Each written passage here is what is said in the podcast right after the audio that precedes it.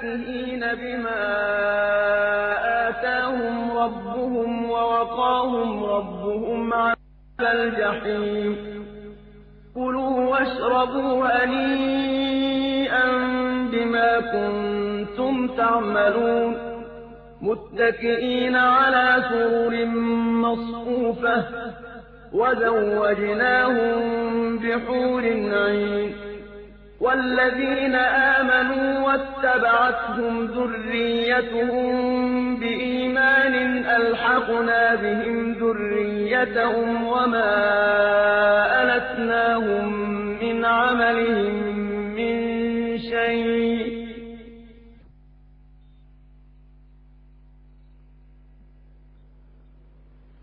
إن الحمد لله تعالى نحمده ونستعين به ونستغفره ونعوذ بالله تعالى من شرور أنفسنا وسيئات أعمالنا. من يهد الله تعالى فلا مضل له ومن يضلل فلا هادي له. وأشهد أن لا إله إلا الله وحده لا شريك له وأشهد أن محمدا عبده ورسوله. أما بعد فإن أصدق الحديث كتاب الله تعالى وأحسن الهدي هدي محمد صلى الله عليه وآله وسلم. وشر الأمور محدثاتها وكل محدثة بدعة وكل بدعة ضلالة وكل ضلالة في النار. اللهم صل على محمد وعلى آل محمد كما صليت على إبراهيم وعلى آل إبراهيم في العالمين إنك حميد مجيد.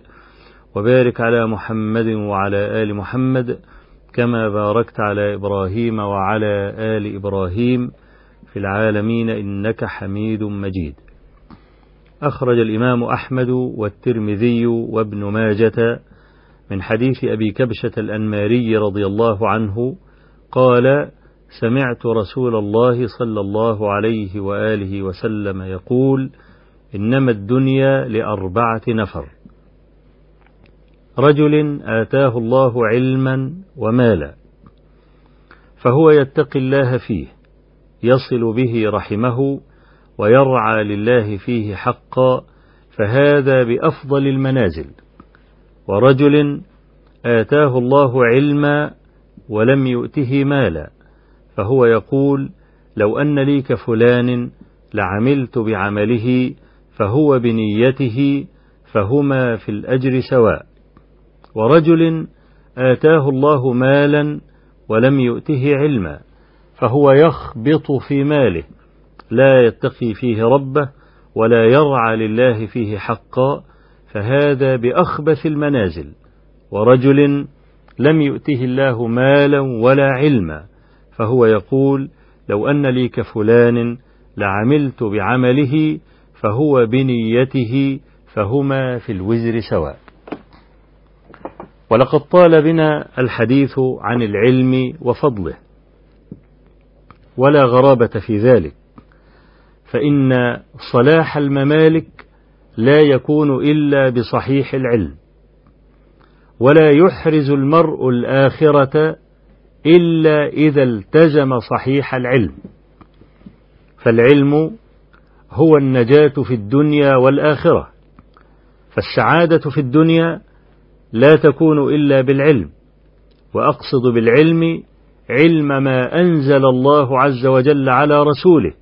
صلى الله عليه وآله وسلم سواء كان وحيا يتلى أو كان وحيا وهو السنة. كما ذهب إليه جماهير أهل العلم حين تأولوا قوله تبارك وتعالى إنا نحن نزلنا الذكر وإنا له لحافظون قال العلماء الذكر هو القرآن والسنة جميعا وكنا في المرة الماضية وقفنا على حديث رواه البخاري ومسلم رحمهما الله تعالى عن أبي موسى الأشعري رضي الله عنه عن رسول الله صلى الله عليه وآله وسلم أنه قال إن مثل ما بعثني الله به من الهدى والعلم كالغيث الكثير أصاب أرضا.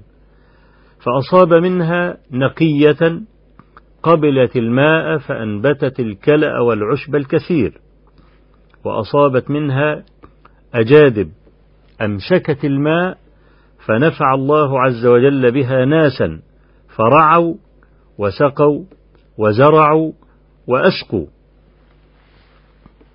وأصاب منها طائفة أخرى إنما هي قيعان لا تنبت كلأ ولا تمسك ماء. فذلك مثل من فقه في دين الله عز وجل ونفعه الله تعالى بما أرسلت به فعلم وعلم ومثل من لم يرفع بذلك رأسا ولم يقبل هدى الله الذي أرسلت به. وذكرنا أن هذا الحديث قسم الناس إلى قسمين. قسم ممدوح وقسم مذموم. وقسم الممدوح إلى طائفتين. وجعل المذموم طائفة واحدة. أما القسمان الممدوحان فالطائفة الأولى هي التي عبر عنها في الحديث فكان منها نقية قبلت الماء فأنبتت الكلأ والعشب الكثير. وقلنا أن في هذا إشارة إلى أهل الرواية والدراية الذين جمعوا بين حفظ الأحاديث وبين فقه الأحاديث وبين معرفة معانيها والطائفة الثانية هي طائفة أمسكت الماء وهذا هو. وهذا التعبير عن الرواية أمسكت الماء أي احتفظت به وهذا يشير إلى أهل الحفظ. وذكرت نموذجا في المرة الماضية من أهل الرواية والدراية ممن جمعوا بين رواية الحديث ومعرفة صحيحه من سقيمه وبين معرفة معاني الحديث. وهؤلاء طائفة كبيرة ذكرت بعضهم في المرة الماضية كالإمام مالك والإمام الشافعي وأحمد. وكذلك إسحاق بن راهويه وسفيان الثوري والإمام الأوزاعي ثم الأئمة الستة البخاري ومسلم وأبو داود والنسائي والترمذي وابن ماجه وابن جرير أيضا وابن خزيمة وابن حبان.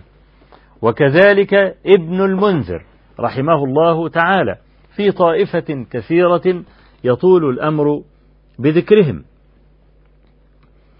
وذكرت نموذجا من هؤلاء العلماء ألا وهو الإمام البخاري رحمه الله تعالى. وذكرت شيئا من تصرفه في صحيحه. واليوم إن شاء الله تعالى أذكر أيضا نموذجا آخر من تصرف الإمام البخاري رحمه الله في صحيحه وكيف أنه صرف معاني الرواية. والإمام البخاري سماء في معرفة الأحاديث وفي معرفة طرقها وفي معرفة عللها. هذا على مستوى الرواية. أما على مستوى الدراية فهو البحر الذي لا يدرك ساحله والنموذج الذي سنعرضه اليوم إن شاء الله تبارك وتعالى هو لقصة شهيرة وردت في كتاب الله تبارك وتعالى وذكرها رسول الله صلى الله عليه وآله وسلم ورواها عنه أبي بن كعب رضي الله عنه.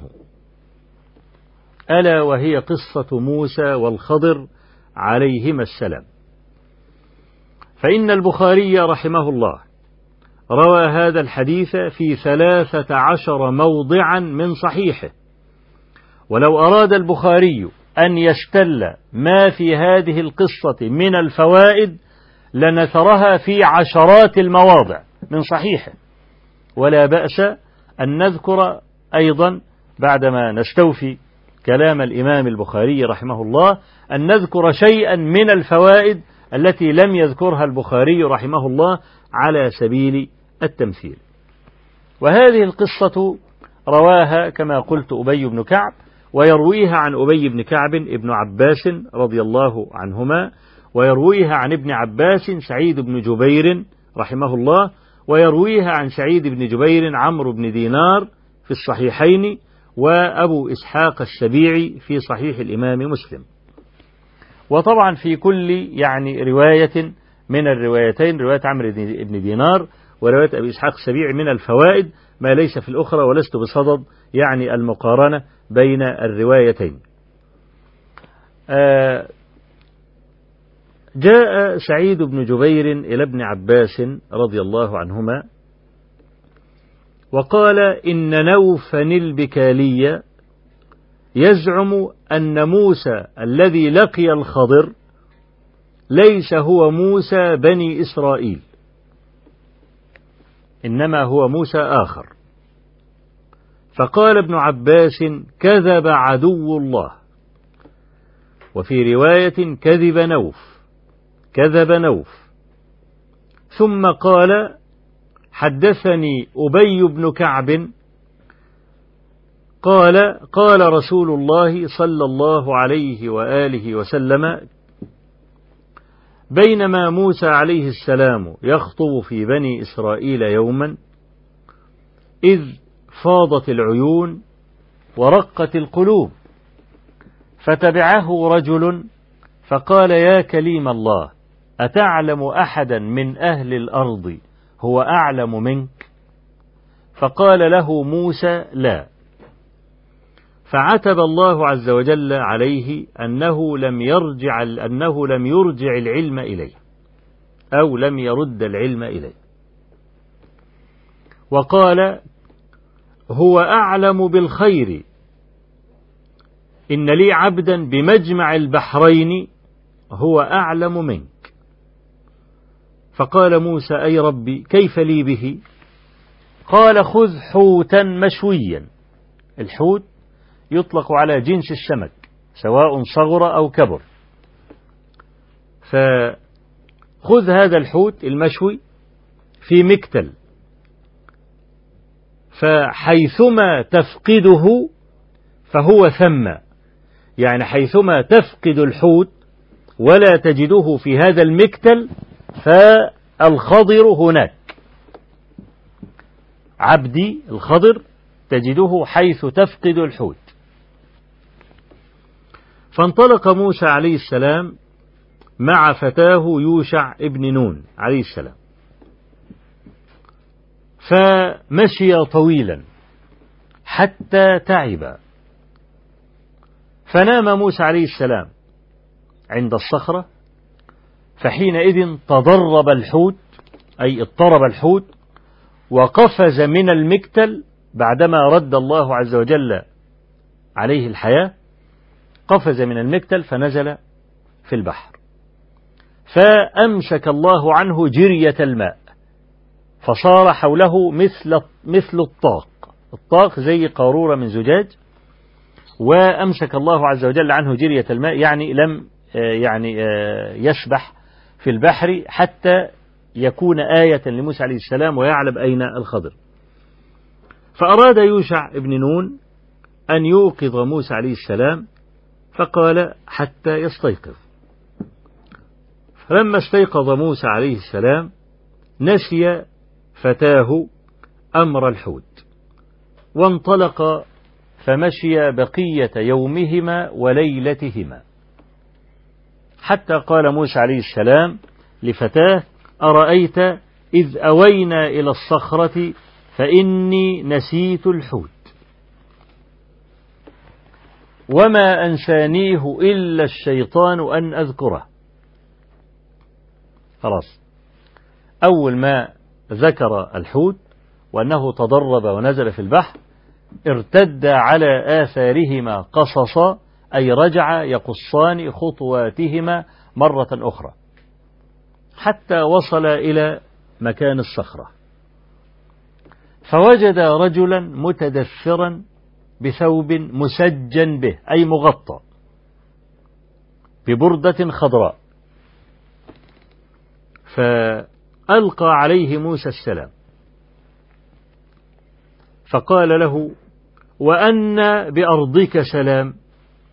السلام هيجي منين يعني؟ وهل بأرضك سلام؟ من أنت؟ قال له أنا موسى. قال موسى بني إسرائيل؟ قال نعم.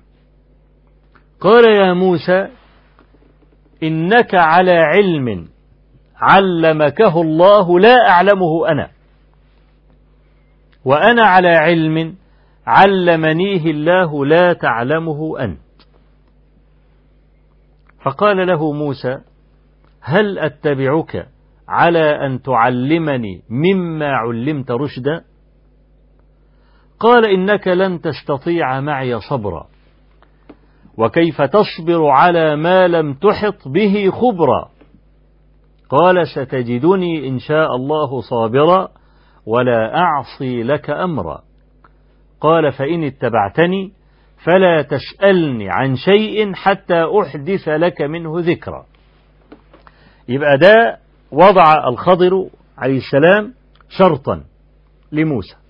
إن اتبعتني فلا تسألني عن شيء حتى أحدث لك منه ذكرا.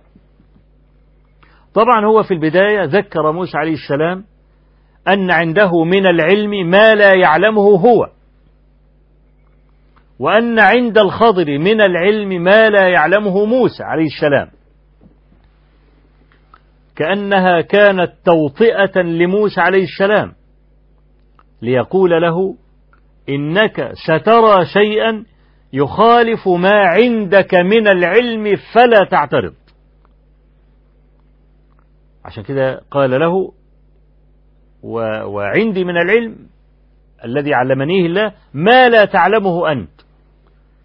لكن موسى عليه السلام جاء ممتثلا وصية ربه لما قال سأله الرجل هل تعلم أحدا أعلم في الأرض من؟ قال لا عتب الله عز وجل عليه أنه لم يرد العلم إليه وقال بلى إن لي عبدا بمجمع البحرين هو أعلم منك. فجاء موسى عليه السلام النبي المرسل وأحد أولي العزم من الرسل ليتعلم. فاشترط عليه الخضر ألا يعترض عليه حتى يحدثه بما رآه فأنكره في نفسه. وقال له في مقدمة الكلام إنك لن تستطيع معي صبرا أي إن ما ستراه من القضايا الثلاثة لا تدخل تحت نطاق قانون العلم الذي يعلمه موسى عليه السلام ويحكم به بين الناس. لأن دي قضايا ثلاثة لها حكم خاص لا يعلمه أحد إلا بوحي وإلا فقانون العلم يأبى مثل ما ذكره الخضر عليه السلام. ثم قال له وكيف تصبر على ما لم تحط به خبرا؟ أي أن المرأة إذا لم يعلم أصل القضية تصرف على جهة الإنكار. خلاص. موسى عليه السلام أعطاه ما أراد من الشرط. قال ستجدني إن شاء الله صابرا ولا أعصي لك أمرا. فانطلقا مشى موسى عليه السلام وفتاه والخضر على ساحل البحر فوجد سفينة. فلما ركب الخضر عليه السلام عرفه أهل السفينة. قالوا خضر عبد الله الصالح فأبوا أن يأخذوا منهم أجرة. خلاص هيركب مجانا. هو وموسى عليه السلام وفتاه فلم ينشب موسى عليه السلام إلا وهو يرى الخضر ينزع لوحا من ألواح السفينة. فقال له قوم حملونا بغير نول أي بغير أجرة. تعمد إلى سفينتهم تقلع لوحا منها فتغرق أهلها؟ قال ألم أقل إنك لن تستطيع معي صبرا؟ قال له لا تؤاخذني بما نسيت ولا ترهقني من أمري عسرا. قال صلى الله عليه وسلم كانت الأولى من موسى نسيانا. قال لا تؤاخذني بما نسيت. فلما نزلوا من السفينة وماشيين برضو على الساحل الآخر وجدوا أغيلمة يلعبون. وكان بين هؤلاء الأغيلمة غلام وضيء. وضيء يعني شكله جميل على وجهه الوضاءة فتوجه الخضر إليه فاقتلع رأسه. وفي رواية فأضجعه نيمه على الأرض وذبحه. فلما رأى موسى ذلك ذعر ذعرة منكرة. وقال أقتلت نفسا زاكية بغير نفس؟ لقد جئت شيئا نكرا. فقال له الخضر ألم أقل لك إنك لن تستطيع معي صبرا؟ خلي بالك من الايه من الإنكار الأول. لما أنكر عليه الخضر قال ألم أقل إنك لن تستطيع معي صبرا؟ وفي المرة الثانية قال له ألم أقل لك؟ يعني زادت كلمة لك. فكأنما وقف الخضر ونظر إلى موسى عليه السلام وقال ألم أقل لك؟ إنك لن تستطيع معي صبرا. فموسى عليه السلام في هذه المرة اعتذر. قال إن سألتك عن شيء بعدها فلا تصاحبني. قد بلغت من لدني عذرا. فانطلق حتى أتيا أهل قرية فطلبوا القرى. وهذا من حق الضيف. فأبوا أن يضيفوهما. فوجد جدارا يريد أن ينقض فأقامه. قال يعني أقام الجدار. وكان تحت الجدار كما تعلمون الكنز. فقال لو شئت لاتخذت عليه أجرا. قال هذا فراق بيني وبينك. سأنبئك بتأويل ما لم تسطع عليه صبرا. قال صلى الله عليه وسلم كانت الأولى من موسى نسيانا وكانت الثانية شرطا وكانت الثالثة عمدا. هي دي قصة موسى والخضر كما جاءت في سورة الكهف وكما ذكرها رسول الله صلى الله عليه وسلم ورواها عنه أبي بن كعب رضي الله عنه. الإمام البخاري رحمه الله كما قلت ذكر هذه القصة في ثلاثة عشر موضعا من صحيحه. فأنا أذكرها لأبين كيف تصرف الإمام رحمه الله في هذه القصة وكيف استل منها الفوائد. أول موضع روى الإمام هذه القصة فيه في كتاب العلم في باب ما ذكر في ذهاب موسى في البحر إلى الخضر وقوله تعالى هل أتبعك على أن تعلمني مما علمت رشدا؟ هو الإمام البخاري ذكر يعني هذا الحديث في ثلاثة مواضع في كتاب العلم. ده أول موضع في كتاب العلم. باب ما ذكر في ذهاب موسى في البحر إلى الخضر. الموضع الثاني قال باب الخروج إلى العلم. ورحل جابر بن عبد الله مسيرة شهر إلى عبد الله بن أنيس في حديث واحد. فواحد ممكن يقول الإمام البخاري كرر لأن ما هو الفرق بين أن يقول باب ما ذكر في ذهاب موسى عليه السلام في البحر. وبعدين يرجع يقول تاني باب الخروج إلى العلم. طب ما ذهاب موسى عليه السلام إلى البحر إنما كان خروجا إلى العلم.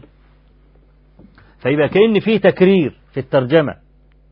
نقول لك لا ليس هناك تكرير.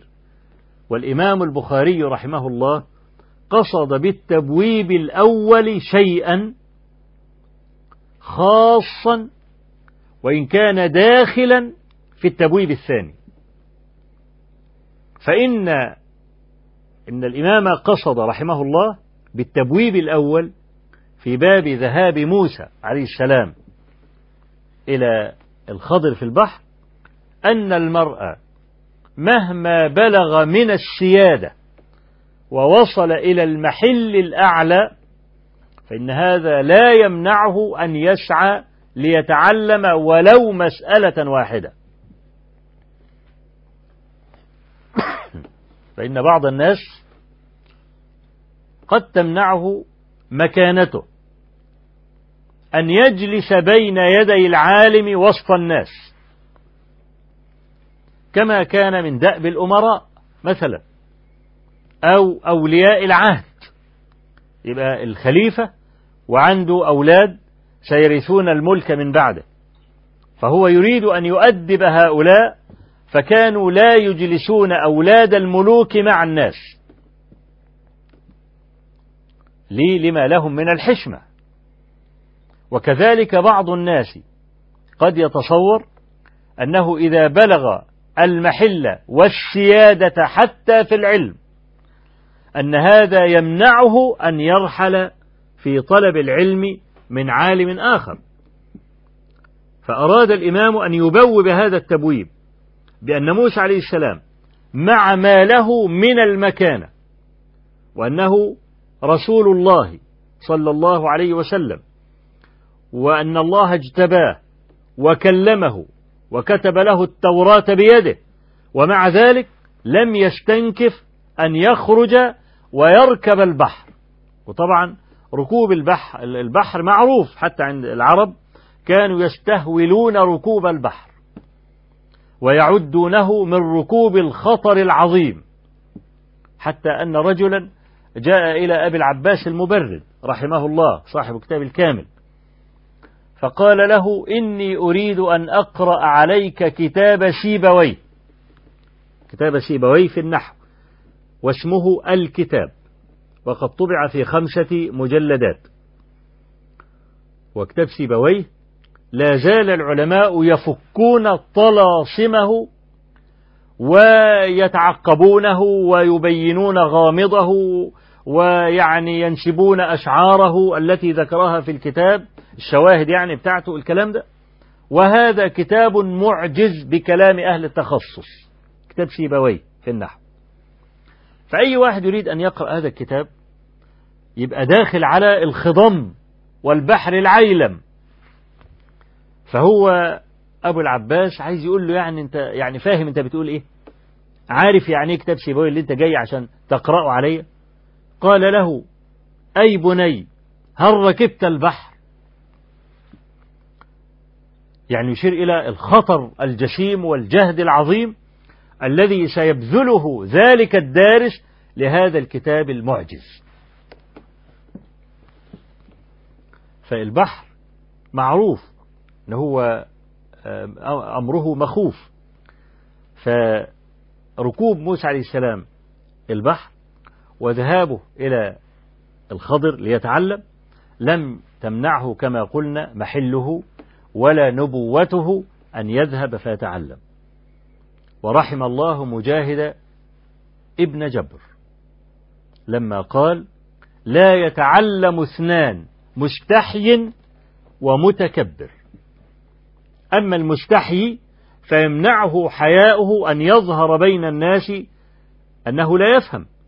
وأما المتكبر فيقول أنا أنبل منه ونسبي أعلى منه وعندي مال أكثر منه ولي جاه أكبر منه وأستطيع أن أفعل ولا يفعل. مثل هذا لا يتعلم أبدا. وهذا الإنسان أو هذا الجنس من بني آدم اللي إحنا بنسميه ليس له كبير. ليس له كبير. إنما هذا يدور في فلك نفسه.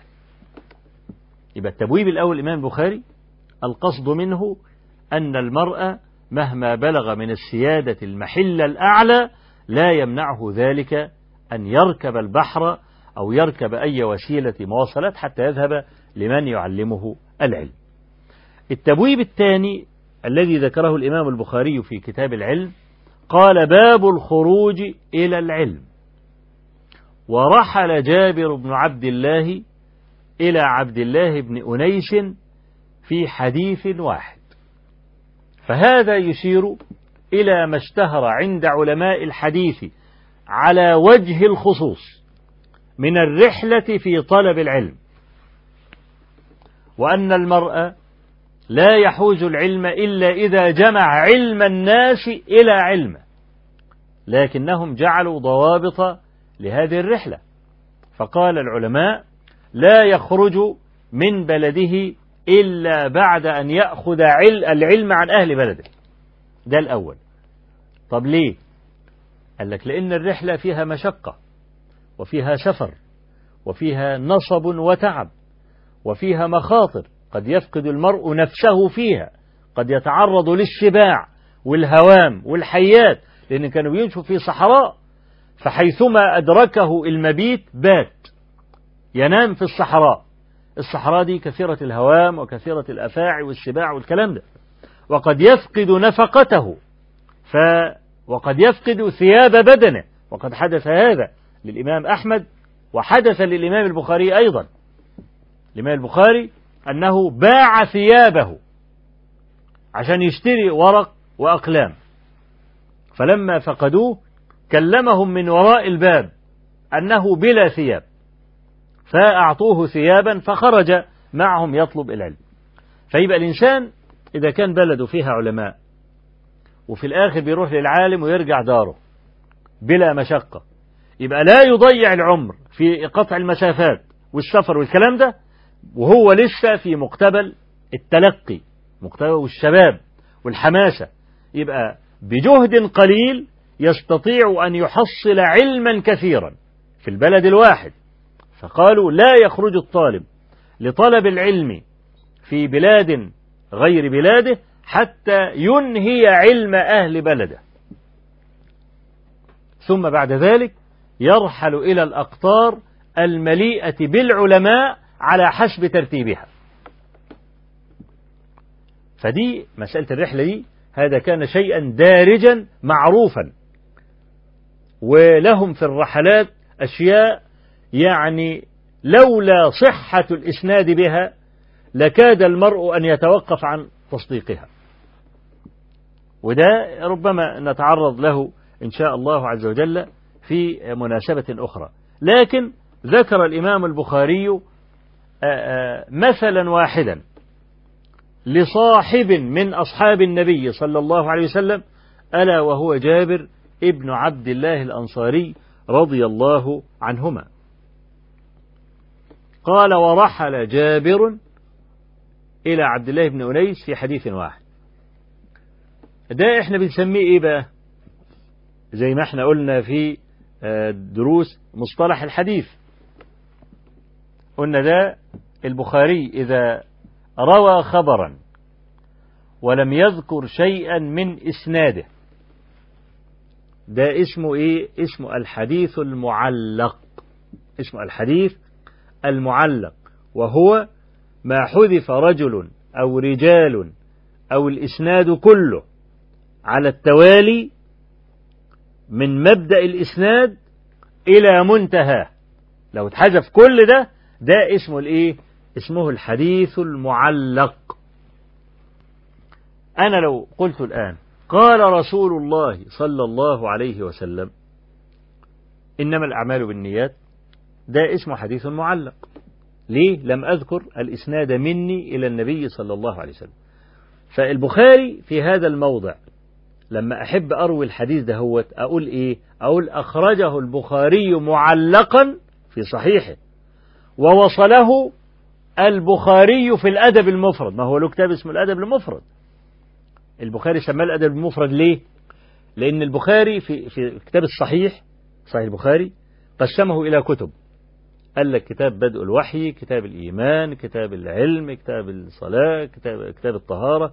كتاب الغسل كتاب الحيض كتاب التيمم كتاب الجمعة كتاب العيدين كتاب الصلاة كده. الصلاة الزكاة الحج الصيام الطلاق العتق. ومن ضمن الكتب دي كتاب الأدب. فيبقى البخاري له كتابان في الأدب.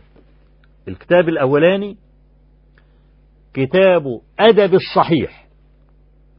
الأدب المذكور في الصحيح. والكتاب الثاني كتاب الأدب المفرد. سماه الأدب المفرد أي الذي أفرده عن الصحيح. فلو في حديث في كتاب الأدب الذي في الصحيح وانت عايز تعزوه وقلت أخرجه البخاري في الأدب وسكت صار العزو آه مبهما. يا ترى تقصد الأدب المفرد ولا تقصد الأدب الذي في الصحيح؟ عشان كده وانت بتخرج الحديث تقول أخرج البخاري في أدب الصحيح. عشان يبقى أنا فهمت ده في كتاب الأدب الذي في صحيح البخاري. أو أخرج البخاري في كتاب الأدب المفرد. فواحد يقول لك طب إيه الفرق يعني؟ ما هو ده الأدب وده الأدب والبخاري اللي هو الذي صنف الكتابين جميعا. نقول لك لا هناك فرق. البخاري في كتاب الأدب الذي في الصحيح تحرى الصحيح كله.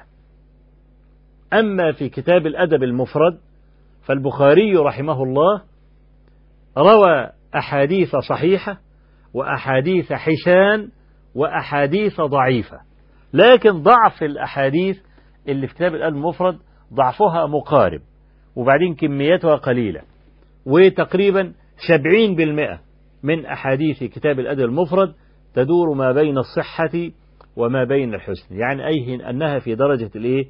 في درجة القبول.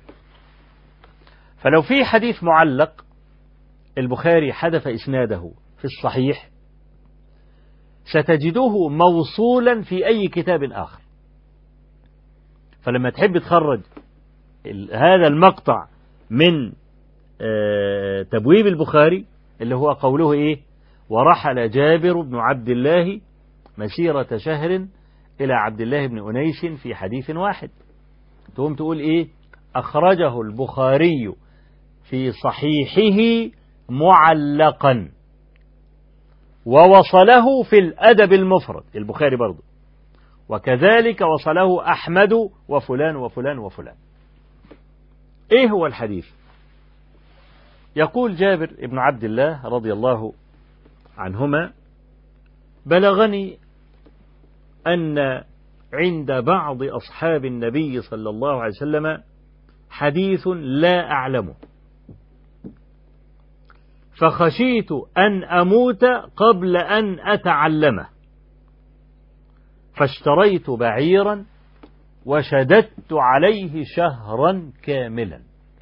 ثلاثين يوم يركب البعير لأجل حديث واحد. جابر رضي الله عنه يقول خشيت أن أموت قبل أن أتعلمه. إحنا بنقول طبعا هذا الكلام لبعض الشباب الذي قد يأتيني أو يأتي غيري من بلاد بعيدة ثم لا يجدني أو قد يجدني مشغولا مثلا ولا أعطيه ما يريد فيرجع ساخطا بل ربما يرجع وقد كره العلم. وقد حدث مثل هذا لشيخنا الألباني رحمه الله تعالى. وحدثني بهذا بعض إخوان الثقات ممن حضر الواقعة. كان الشيخ رحمة الله عليه بيصلي الجمعة في مسجد صلاح الدين. اللي كان بيخطب فيه الشيخ أبو مالك الشيخ محمد إبراهيم شخرة وبعد ما كان الشيخ بيخرج من المسجد كان الشباب يلتف حواليه كل واحد يسأل سؤال حتى تخرج زوجته أم الفضل. فأول ما تركب زوجته السيارة يركب السيارة وينطلق.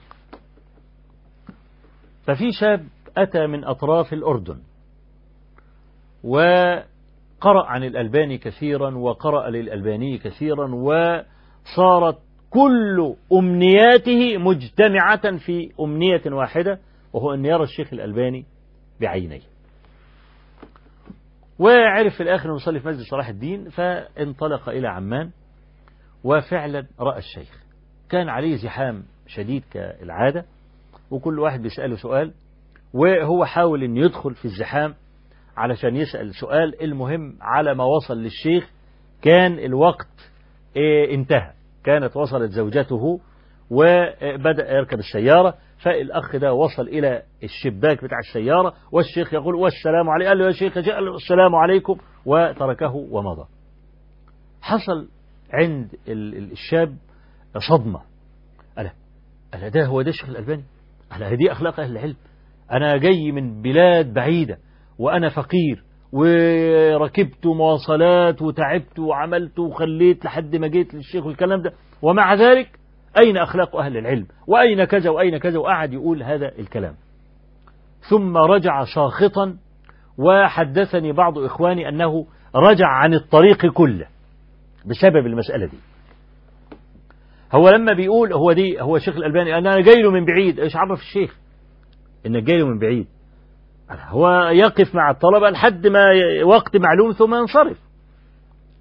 ومع ذلك لم يتحمل الطالب مثل هذا. إذا لم يجد بغيته حصل له اللي حصل فبيجي شباب برضه يسخط إذا جاء وقطع المشوار كله ولم يرجع بفائدة. جابر بن عبد الله الأنصاري وهذا صحابي جليل ومسنده من المسانيد الكبيرة بين أصحاب النبي صلى الله عليه وسلم. ثم إن جابرا معدود من الفقهاء كمان. فما عسى أن يكون عند صحابي ما ليس عند جابر لا سيما وجابر رضي الله عنه يعيش مع صحابة كثيرين في المدينة. إذا فاته حديث أو يسمعه من الصحابة الآخرين فيبقى صحابي في مصر وهو في المدينة يشتري بعيرا يشد عليه شهرا سفرا خشية أن يموت. وقد يكون في هذا الحديث معنى ينجيه في الآخرة ويعلي من إيمانه فيعلمه قبل أن يموت. لم يمنعه ذلك أن يفعل مثل هذا. شد على هذا البعير شهرا كاملا سفرا ثم وجاء إلى بيت عبد الله بن أنيس ودق الباب فخرج الغلام. قال من؟ قال قل له جابر. فقال عبد الله بن أنيس ابن عبد الله؟ قال نعم. فخرج إليه فاعتنقه والتزمه. وقال ما جاء به؟ قال حديث بلغني أنه عندك لم أسمعه من رسول الله صلى الله عليه وسلم. فخشيت أن أموت قبل أن أتعلمه. قال له نعم. سمعت رسول الله صلى الله عليه وسلم يقول يحشر الله الناس يوم القيامة حفاة عراة غرلا بهما فيناديهم بصوت يسمعه من قرب ويسمعه من بعد أنا الملك أنا الديان إنه لا ينبغي لرجل من أهل الجنة أن يدخل الجنة وأحد من أهل النار يطلبه بمظلمة. ولا ينبغي لأحد من أهل الجنة من أهل النار أن يدخل النار وأحد من أهل الجنة يطلبه بمظلمة. الحديث ده مشهور؟ أنه حديث في القصاص. فهذا هو الحديث الذي رحل من أجله جابر ابن عبد الله الأنصاري شهرا كاملا. مع ما عنده من العلم يعني قد يستغني عن مثل هذا. فكيف بمن يحتاج إلى كل هذا؟ كأنه من باب أولى يعني البخاري رحمه الله إنما ذكر جابر على أساس أنه صحابي جليل صاحب النبي صلى الله عليه وسلم ومن الفقهاء وعنده ألوف الأحاديث. فكيف بمن بدأ يتعلم؟ ليس عنده شيء وهو محتاج إلى كل شيء عند أهل العلم فهذا أولى بالخروج وأولى بالرحلة. الموضع الثالث الذي بوب الإمام البخاري على هذا الحديث به في كتاب العلم قال باب ما يستحب للعالم إذا سئل أي الناس أعلم فيكل العلم إلى الله. الشاهد من الحديث ده إيه؟ أول الحديث أن رجلا تبع موسى عليه السلام فقال له يا كليم الله تعلم رجلا في الأرض هو أعلم منك قال لا. فعتب الله عز وجل عليه أنه لم يرد العلم إليه. لذلك كان يقول محمد ابن عجلان أحد شيوخ الإمام مالك رحمه, رحمة الله على الجميع قال إذا أغفل العالم لا أدري فقد أصيبت مقاتله. كلمة لا أدري لابد أن تكون على لسان أهل العلم. الإنسان مهما جل ومهما نبل لا يستطيع أن يعرف كل العلم. إن أبا بكر رضي الله عنه وأنتم تعرفون من هو أبو بكر ملازمة للنبي صلى الله عليه وسلم وعلما وفقها فضلا عن الإيمان والدين. ومع ذلك لما جاءته الجدة تسأل عن ميراثها قال ما أعلم لك في كتاب الله شيء ولا أعلم لك في سنة رسول الله صلى الله عليه وسلم شيئا ولكن أسأل الناس. فخرج فسأل الناس فقام المغيرة بن شعبة ومحمد بن مسلمة فشهدا أن رسول الله صلى الله عليه وسلم أعطاها السدس. ولا يشك أحد عارف بأقدار الرجال الفرق بين أبي بكر رضي الله عنه وبين المغيرة ومحمد بن مسلمة رضي الله عنهما. ومع ذلك فاته شيء من السنة. كذلك عمر ابن الخطاب رضي الله عنه كما في الصحيحين من حديث أبي سعيد رضي الله عنه أبي سعيد الخدري قال إن أبا موسى استأذن على عمر ثلاثا فلم يأذن له فرجع وكان عمر مشغولا بشيء فلما فرغ من عمله قال عبد الله بن قيس كان بالباب عبد الله بن قيس اللي هو أبو موسى الأشعري يعني. اسمه عبد الله بن قيس. قالوا أجل. قال إيتوني به. جيء به. قال له لمن صرفت؟ يعني طرق الباب ثلاثا ثم انصرف. لمن صرفت؟ قال لأني سمعت النبي صلى الله عليه وسلم يقول أو لأنه قال قال رسول الله صلى الله عليه وسلم إذا استأذن أحدكم فلم يؤذن له فليرجع. إذا استأذن أحدكم ثلاثا فلم يؤذن له فليرجع. فقال له عمر لتأتيني بشاهد أو لأفعلن بك. يعني عايز واحد كمان يشهد أن النبي عليه الصلاة والسلام قال هذا الكلام. فرجع أبو موسى الأشعري إلى مجلس من مجالس الأنصار ممتقع اللون. ما لك؟ قال والله حصل كذا وكذا وأنا دققت على عمر الباب ثم انصرفت فقال إن لم تأتني ببينة لأفعلن بك. فتعجب الأنصار. سنة الاستئذان. كيف تفوت على عمر؟ فقالوا والله لا يقوم معك إلا أصغرنا. فقام أبو سعيد الخدري فذهب مع أبي موسى الأشعري إلى عمر رضي الله عنه فشهد أن النبي صلى الله عليه وسلم قال ذلك. فقال عمر ألهاني الصفق بالأسواق. ألهاني الصفق بالأسواق. انت عارف اللي في الأسواق كل واحد يصفق على الإيه؟ على البضاعة بتاعته بيقول له قرب قرب عشان خاطر يبيع البضاعة. فكل واحد بيلفت نظر الزبون بأنه بيعمل حاجة يعني. فكان المشهور آنذاك الصفق أن يصفق الرجال في الأسواق لجلب الإيه؟ لجلب الزبائن. أدي سنة فتت على عمر مع ما هو معروف عن عمر كما في الصحيحين من حديثه رضي الله عنه أنه قال كنت أتناوب النزول إلى النبي صلى الله عليه وسلم أنا وجار لي من الأنصار. يذهب إلى النبي صلى الله عليه وسلم يوما وأذهب يوما. طب الخطة دي ما كانش كتير من الصحابة عاملينها مع بعض. ومع ذلك مع هذا الحرص فات عمر رضي الله عنه هذا الحديث وفاتته أحاديث أخرى زي حديث الطاعون. ما كان يعرف عنه شيئا حتى أخبره عبد الرحمن بن عوف. وكذلك حديث الريح. لما قامت الريح وهاجت قال عمر رحم الله رجلا حدثنا حديثا في الريح. فقال أبو هريرة فاستحسست راحلتي وحدثته بما سمعته من النبي صلى الله عليه وسلم. وكذلك فات عثمان بن عفان أحاديث وفات علي بن أبي طالب أحاديث وفات عائشة رضي الله عنها أحاديث والأمر كما قال الشافعي رحمه الله ما منا من أحد إلا وتعزب عنه سنة لرسول الله صلى الله عليه وسلم.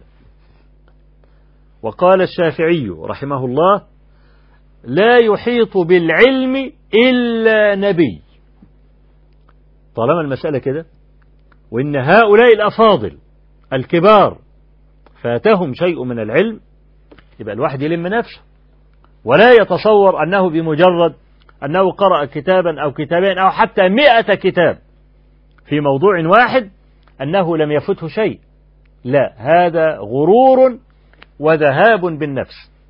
عشان كده كان من عدة أهل العلم أن يقول لا أدري. جاء رجل إلى الإمام مالك رحمه الله فسأله عن ست وثلاثين مسألة فأجاب فيها مال أجاب مالك فيها عن ست وقال في ثلاثين لا أدري. قال له رجل يا أبا عبد الله أمثلك لا يدري؟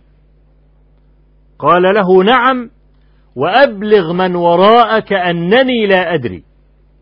ما يضره؟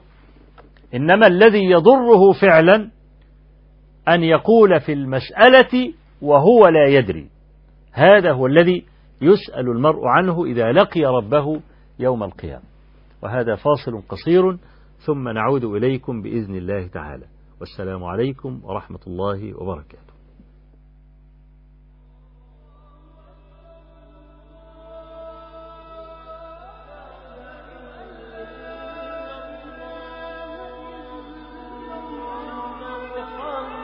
قناة الحكمة الفضائية وإن تطيعوه تهتدوا.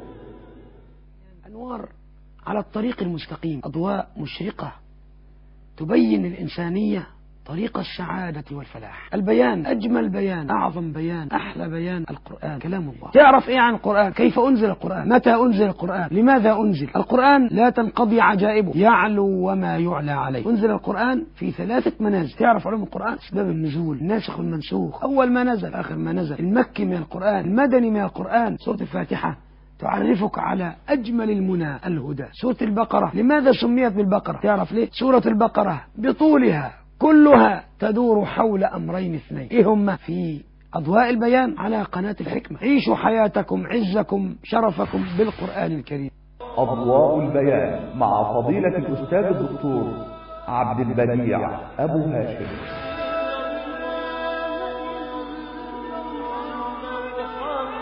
قناة الحكمة الفضائية. وإن تطيعوه تهتدوا.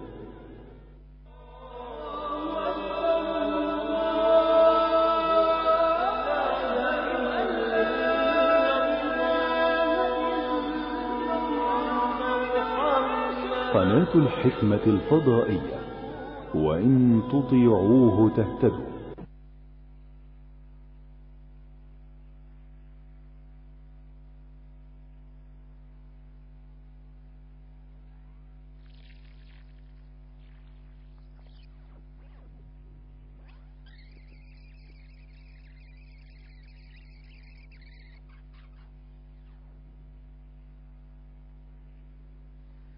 يا أختنا في الله لا يغويك ذا الشيطان. إن الحجاب فريضة من ربنا المنان. يا أختنا في الله لا يغويك ذا الشيطان. إن الحجاب فريضة من ربنا المنان. إن الحجاب مع التقى هو جنة وجنان. هذه قناة الحكمة هي راحتي وسعادتي. هذه قناة الحكمة هي راحتي وسعادتي. وشعارنا في الحكمة نرجو الصلاح لأمتي. يا أختنا في الله لا يغويك ذا الشيطان. إن الحجاب فريضة من ربنا المنان. إن الحجاب مع التقى هو جنة وجنان. وأرى هناك أخيتي بحجابها يا إخوتي. وأرى هناك أخيتي بحجابها يا إخوتي قولي لهم يا درتي أبغي رضا الرحمن وأرى عفافك أختنا رمز الطهارة بيننا وأرى عفافك أختنا رمز الطهارة بيننا إن الحجاب بشرعنا عتق من النيران.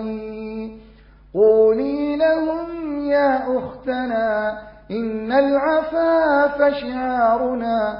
قولي لهم يا أختنا إن العفاف شعارنا.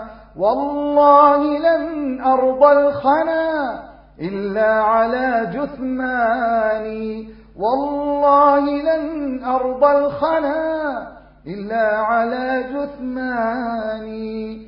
قولي لهم إني أنا أبغي العفاف وديننا قولي لهم إني أنا أبغي العفاف وديننا بنت أنا وأبي هنا ويقودني قرآني. يا أختنا في الله لا يغويك ذا الشيطان. إن الحجاب فريضة من ربنا المنان. إن الحجاب مع التقى هو جنة وجنان. إن الحجاب مع التقى هو جنة وجنان. هو جنة وجنان.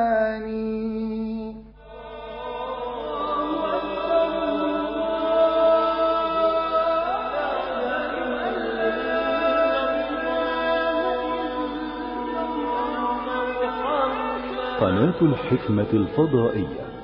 وإن تطيعوه تهتدوا.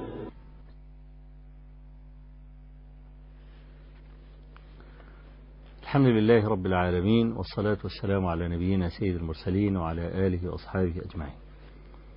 آه،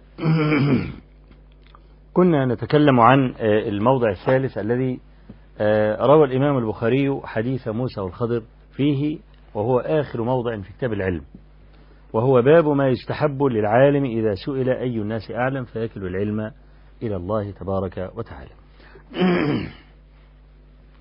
وطبعا ال ال ال الاستدلال واضح من الحديث وهو أنه إذا كان موسى عليه السلام في علمه وفي نبوته وفي مكانه وأن الله عز وجل يوحي إليه وكلمه تكليما وخط له التوراة بيده عتب الله عز وجل عليه أن أنه لم يرد العلم إليه فغيره من باب أولى.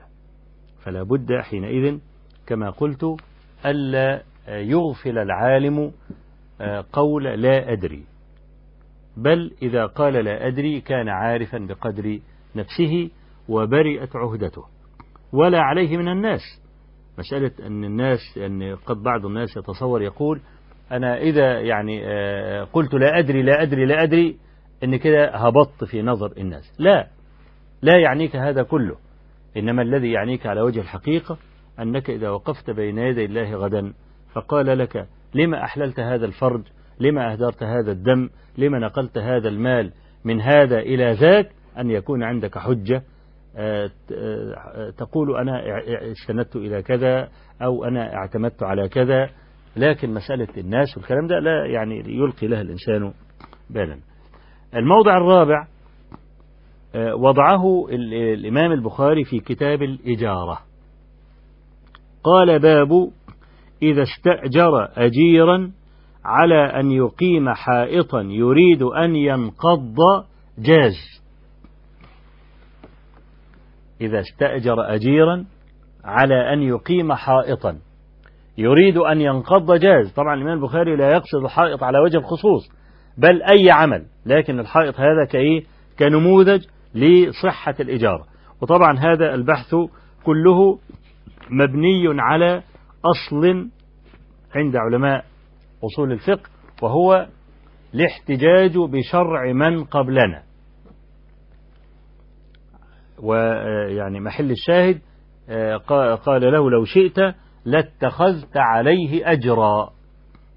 لو شئت لاتخذت عليه أجرا. فالاستدلال به عندنا معاشر المسلمين إنما ينبني على أصل على هذا الأصل الذي ذكرته. شرع من قبلنا. هل هو شرع لنا أم لا؟ طبعا على تفصيل عند أهل العلم والصحيح في ذلك أن شرع من قبلنا ليس شرعا لنا إذا ورد في شرعنا ما يرده. إنما يكون شرعا لنا إذا جاء على طريق الثناء على فاعله. أن النبي عليه الصلاة والسلام قص علينا شيئا من مما كان في الأمم قبلنا على سبيل الثناء على فاعله. زي مثلا قصة أصحاب الغار الثلاثة اللي انطبقت عليهم الصخرة. النبي عليه الصلاة والسلام إنما ذكر هذا ثناء عليهم. يبقى إحنا ممكن نستل الأحكام الشرعية من هذه القصة. كذلك قصة جريج قصة السحر والراهب قصة آه، الخض قصة آه، الأبرص والأقرع والأعمى قصة الخشبة. وهكذا. كل القصص الذي ورد عن بني إسرائيل وسيق مساق الثناء على فاعله يجوز لنا أن نأخذ منه الأحكام. لكن لا يجوز لنا أن نأخذ شيئا من شرع من قبلنا جاء في شرعنا ما يرده. زي الجماعة اللي هم بيحتجوا بجواز بناء المساجد على القبور.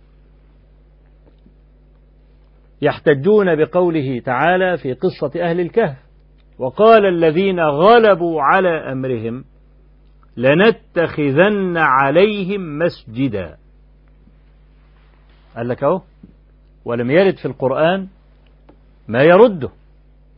يبقى إذا يجوز أن نتخذ المساجد على القبور كما فعلها هؤلاء الناس. نقول لو سلمنا أن الذين قالوا لنتخذن عليهم مسجدا كانوا من أهل العلم لما جاز لنا أن نتخذ هذه الآية حجة في بناء المساجد على القبور لأن رسول الله صلى الله عليه وسلم نهى عن ذلك في آخر حياته وهو يموت عليه الصلاة والسلام. كان من جملة ما قاله وهو يموت لعن الله اليهود والنصارى وكان معه خميصة كان يضعها على وجهه ويكشفه. قال لعن الله اليهود والنصارى اتخذوا قبور أنبيائهم مساجد. ألا إني أنهاكم عن ذلك؟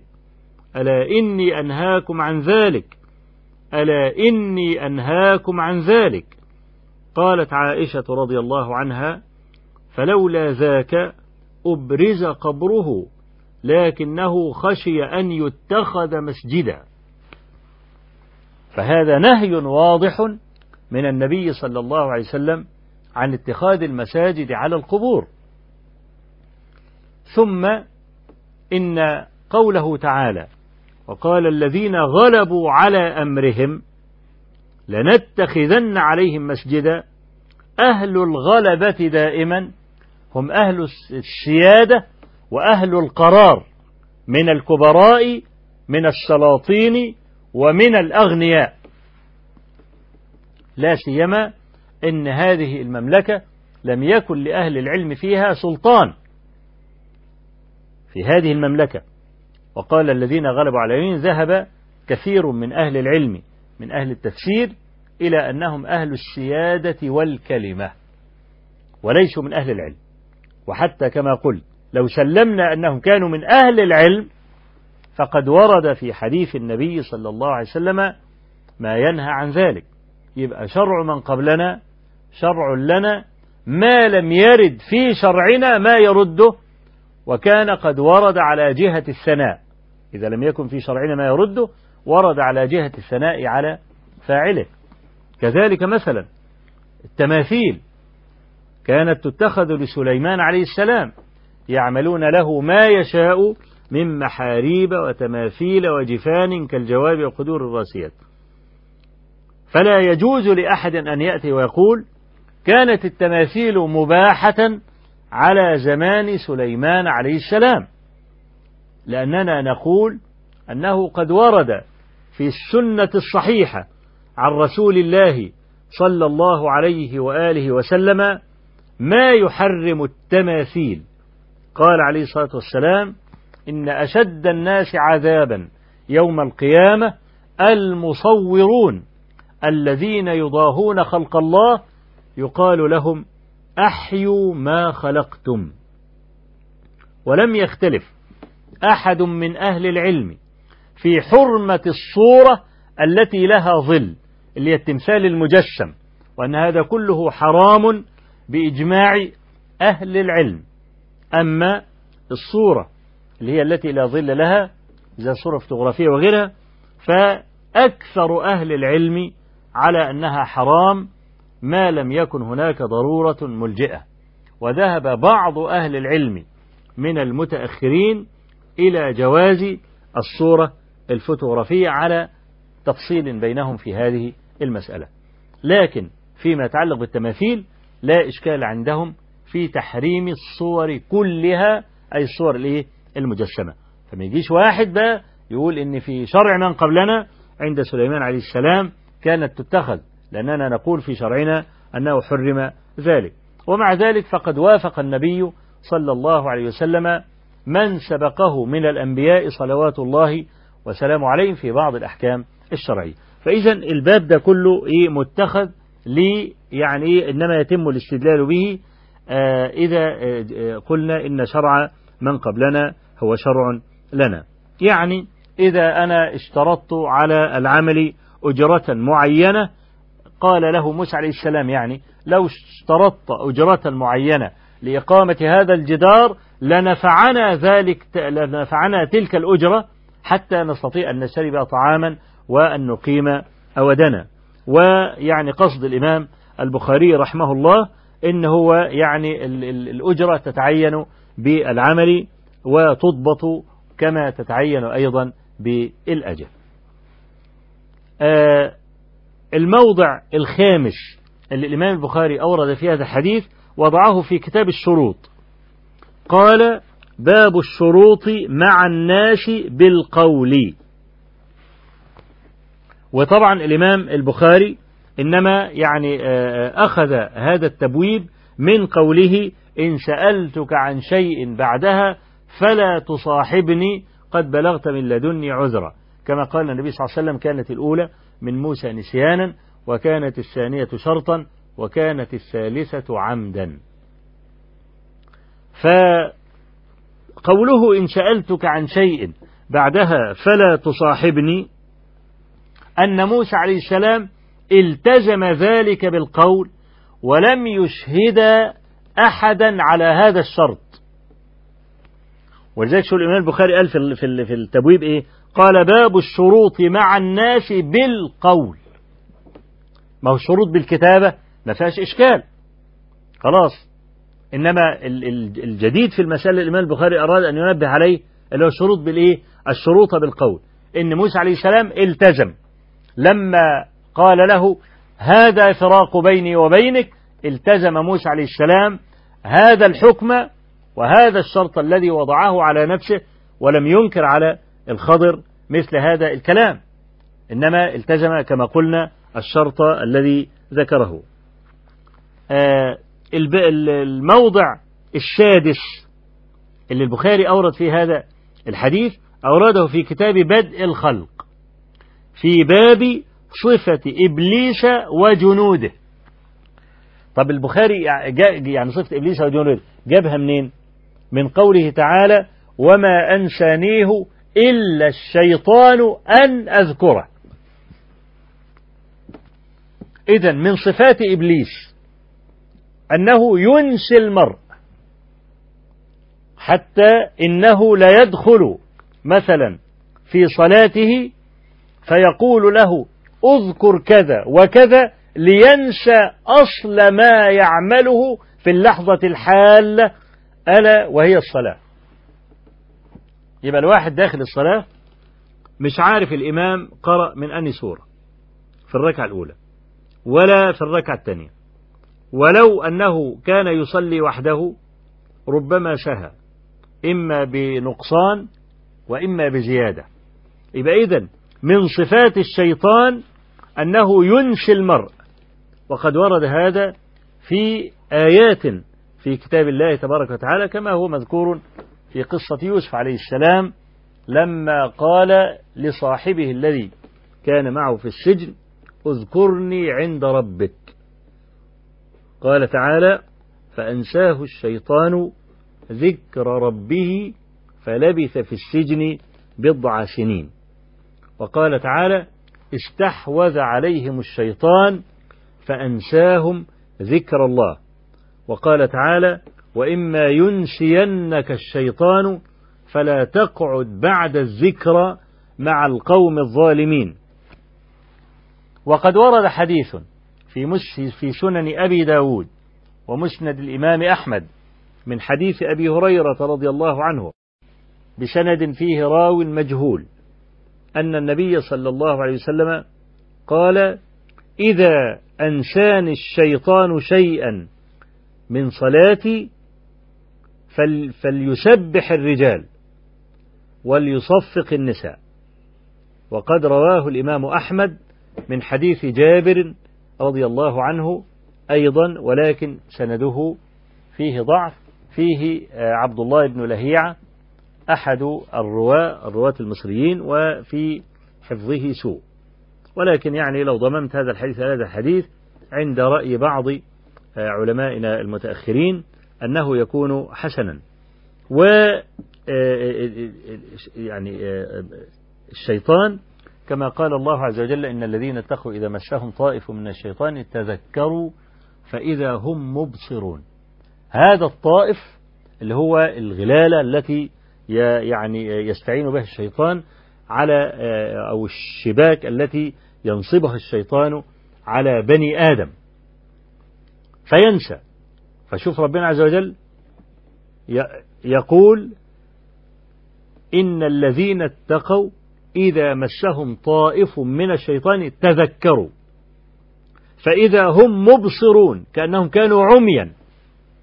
فلما ذكروا الله تبارك وتعالى أبصروا.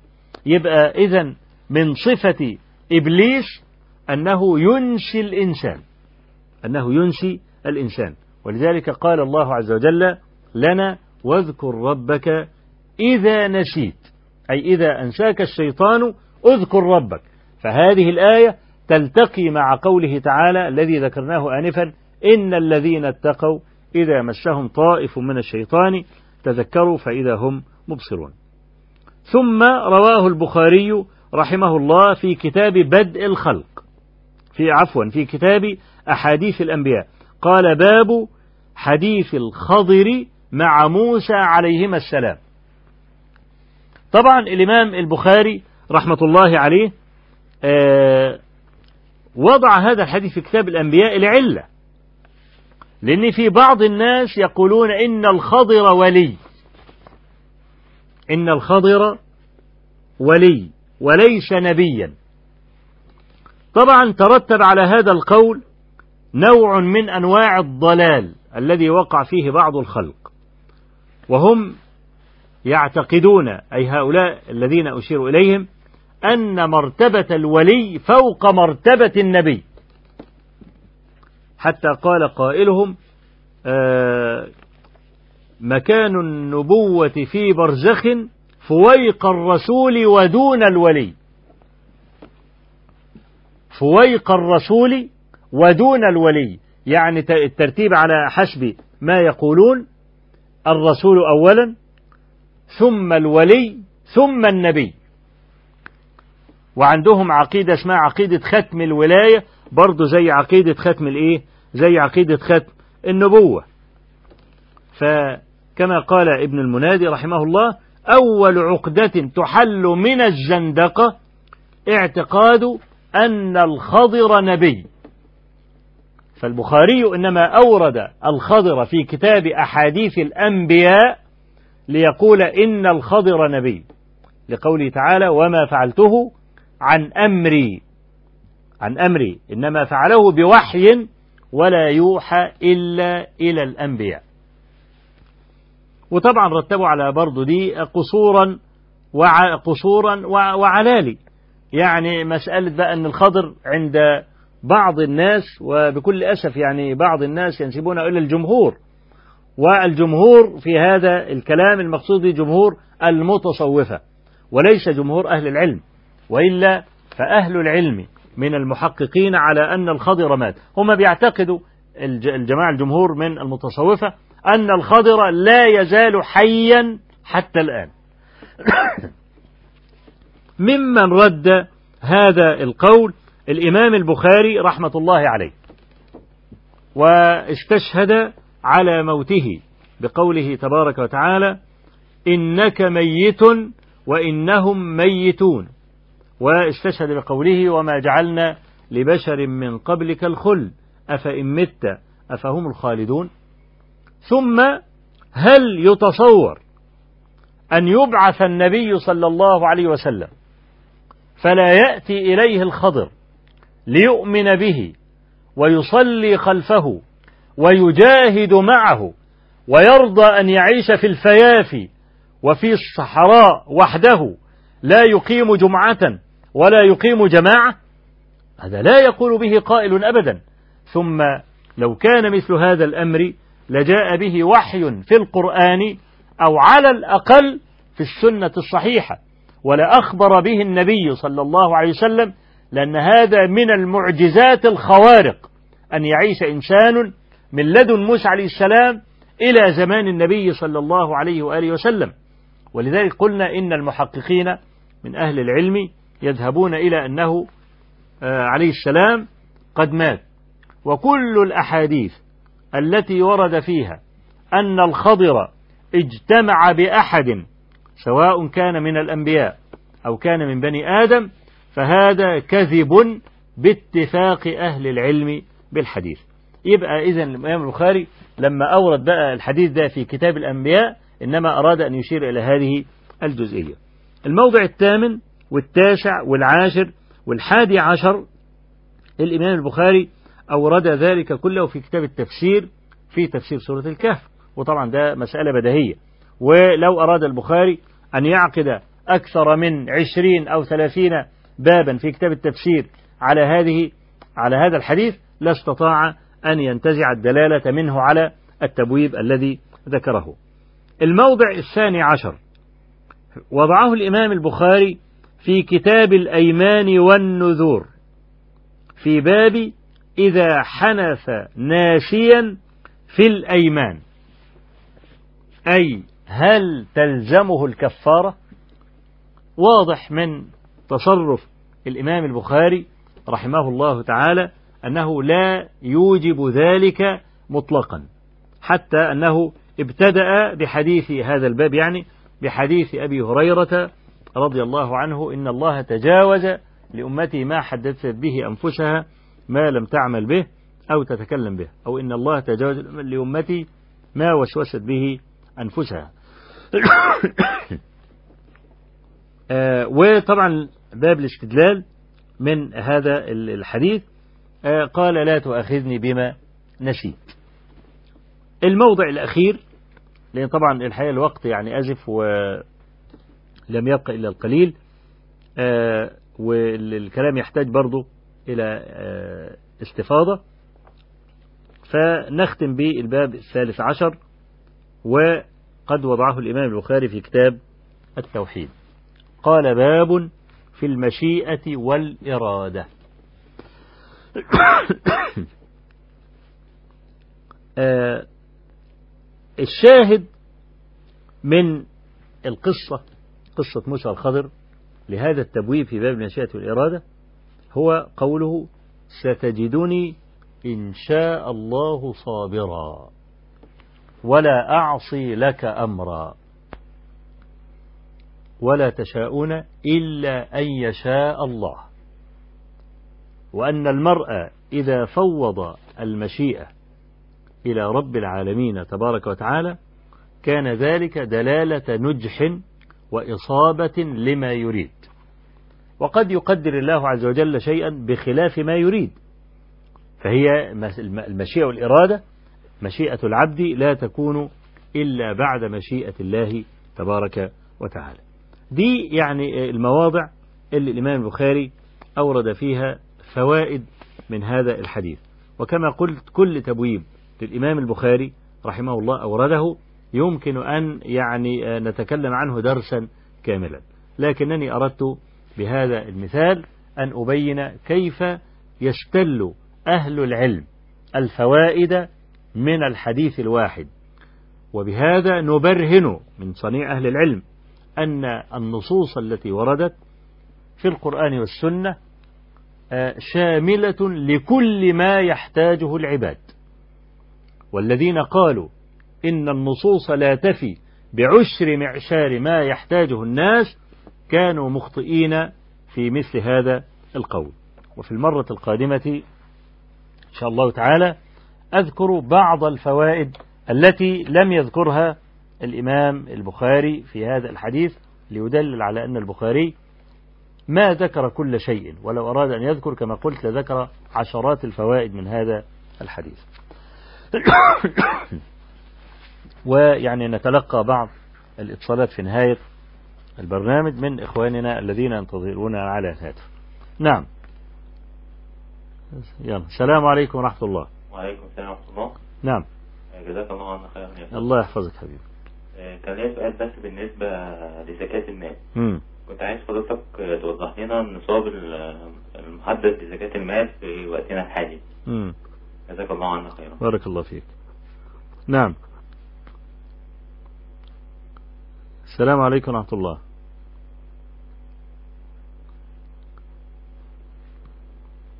ألو؟ نعم السلام عليكم. عليكم السلام ورحمة الله. وبركاته تفضل. لو سمحت أطلب حضرتك حاجة يا شيخ. تفضل يا أخي. نعم تفضل. حكم دخول الك... حكم دخول الكليات العسكرية. مم. مثل مثلا الدفاع الجوي الح- الجوية. مم. نعم. نعم. السلام عليكم ورحمة الله.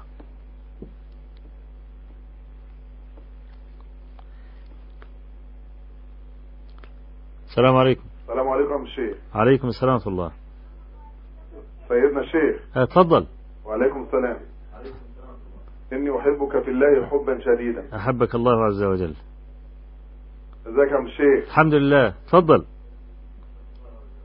وأنا الحمد لله ماليش سؤال لكن أنا شرف ليا شر... أنا ماليش سؤال لكن شرف ليا أن ألقى الله يوم القيامة وأقول له إن أنا أحب آه، سيدنا أبو إسحاق الحويني فنسأل الله أن يحشرنا وإياك تحت راية سيدنا النبي صلى الله عليه وسلم. الله يسامحك. جزاك الله خيرا. المدح. نعم. السلام عليكم ورحمة الله. السلام عليكم. وعليكم السلام ورحمة الله. يا شيخ. نعم. السلام عليكم معلش يا لو إيه- سمحت يا شيخ بس كنت عاوز حضرتك أنا بالنسبة للجماعة اللي شغالين. طفي لو سمحت وطي التلفزيون عندك.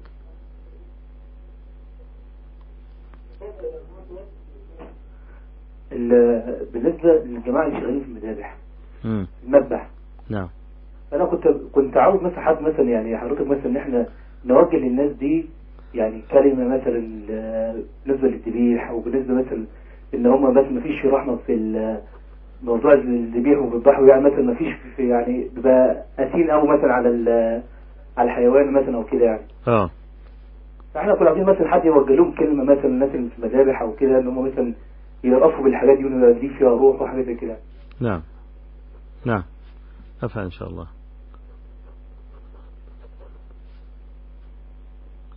السلام عليكم.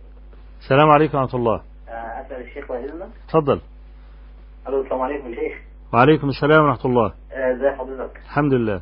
آه، إني أحبك في الله. أحبك الله. جزاك الله خير. هو حضرتك كنت آه، قبل كده كان في سؤال جه حضرتك بخصوص الفلوس لو زيادة مع الواحد إن يحصل طالب علم. آه. فكنت بس حضرتك بس آه، أنا ألاقي فين طالب العلم دوت اللي أنا أدخله نعم. طيب نعم.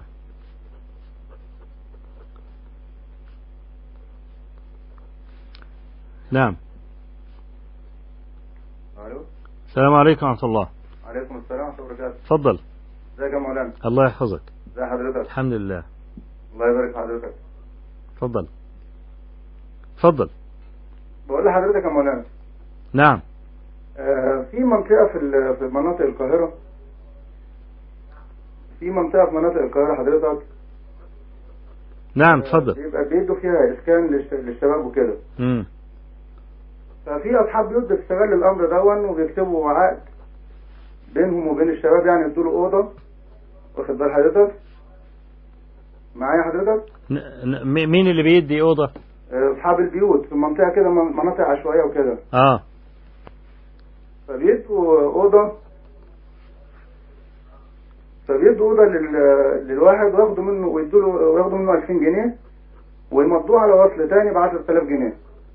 ليه؟ على أساس إن هو هياخد شقة في المساكن آه. خد بال حضرتك؟ فهل هذا الأمر جائز؟ طيب هو دلوقتي ال- الشرط الشرط إن هو ما ياخدش السكن إلا صاحب العين؟ أنت سامعني؟ السلام عليكم. ده طيب. نعم اتفضل. إزيك يا فضيلة الشيخ؟ الله يحفظك الحمد لله. فيك بارك الله فيك. يعني أنا مش مصدق ناس إن أنا بكلم حضرتك. لا يصدق. الله يبارك فيك. الله يكرمك. بقول لحضرتك متى نرى خطب الشيخ أبو اسحاق الحويني مكتوبة في كتب حتى نستفيد منها؟ نعم. طيب ماشي. طيب بارك الله.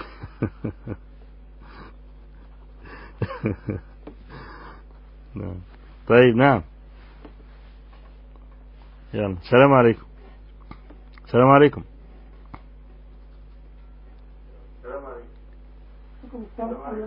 السلام عليكم ورحمة الله. عليكم السلام ورحمة الله وبركاته. نعم اتفضلي. عليكم السلام ورحمة الله وبركاته. ازيك يا عم الشيخ؟ الحمد لله. ازي صحتك؟ الحمد لله. ربنا يبارك فيك يا رب. الله يحفظك. بقول لحضرتك يا عم الشيخ نعم. أنا إن شاء الله أروح عمره في رمضان وعيالها هيبقوا هنا. الواحد يطلع الزكاة فين بقى هنا ولا هناك؟ زكاة الفطر يعني؟ آه. طيب ماشي. حاضر. نعم غيره. نعم. السلام عليكم.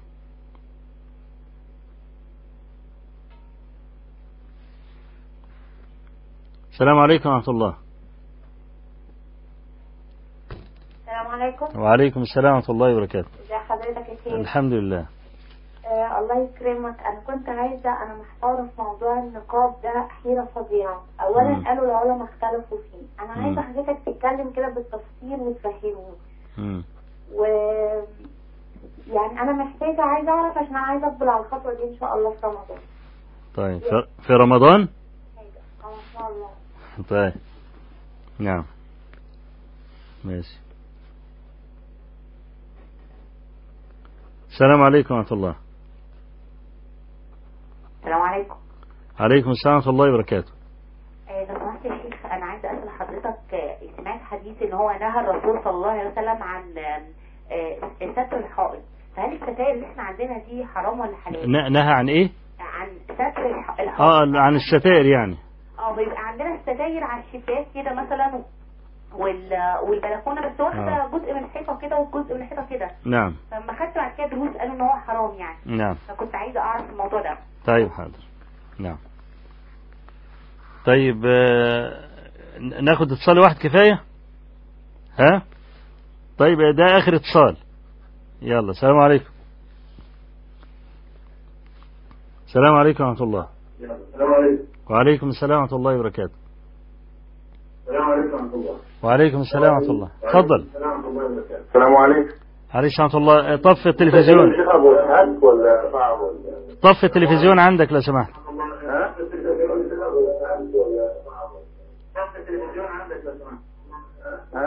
ألو؟ السلام عليكم. وعليكم السلام. نعم. ممكن أكلم الشيخ أبو إسحاق؟ اتفضل. نعم. لو سمحت وطي التلفزيون عندك. وطي التلفزيون عندك.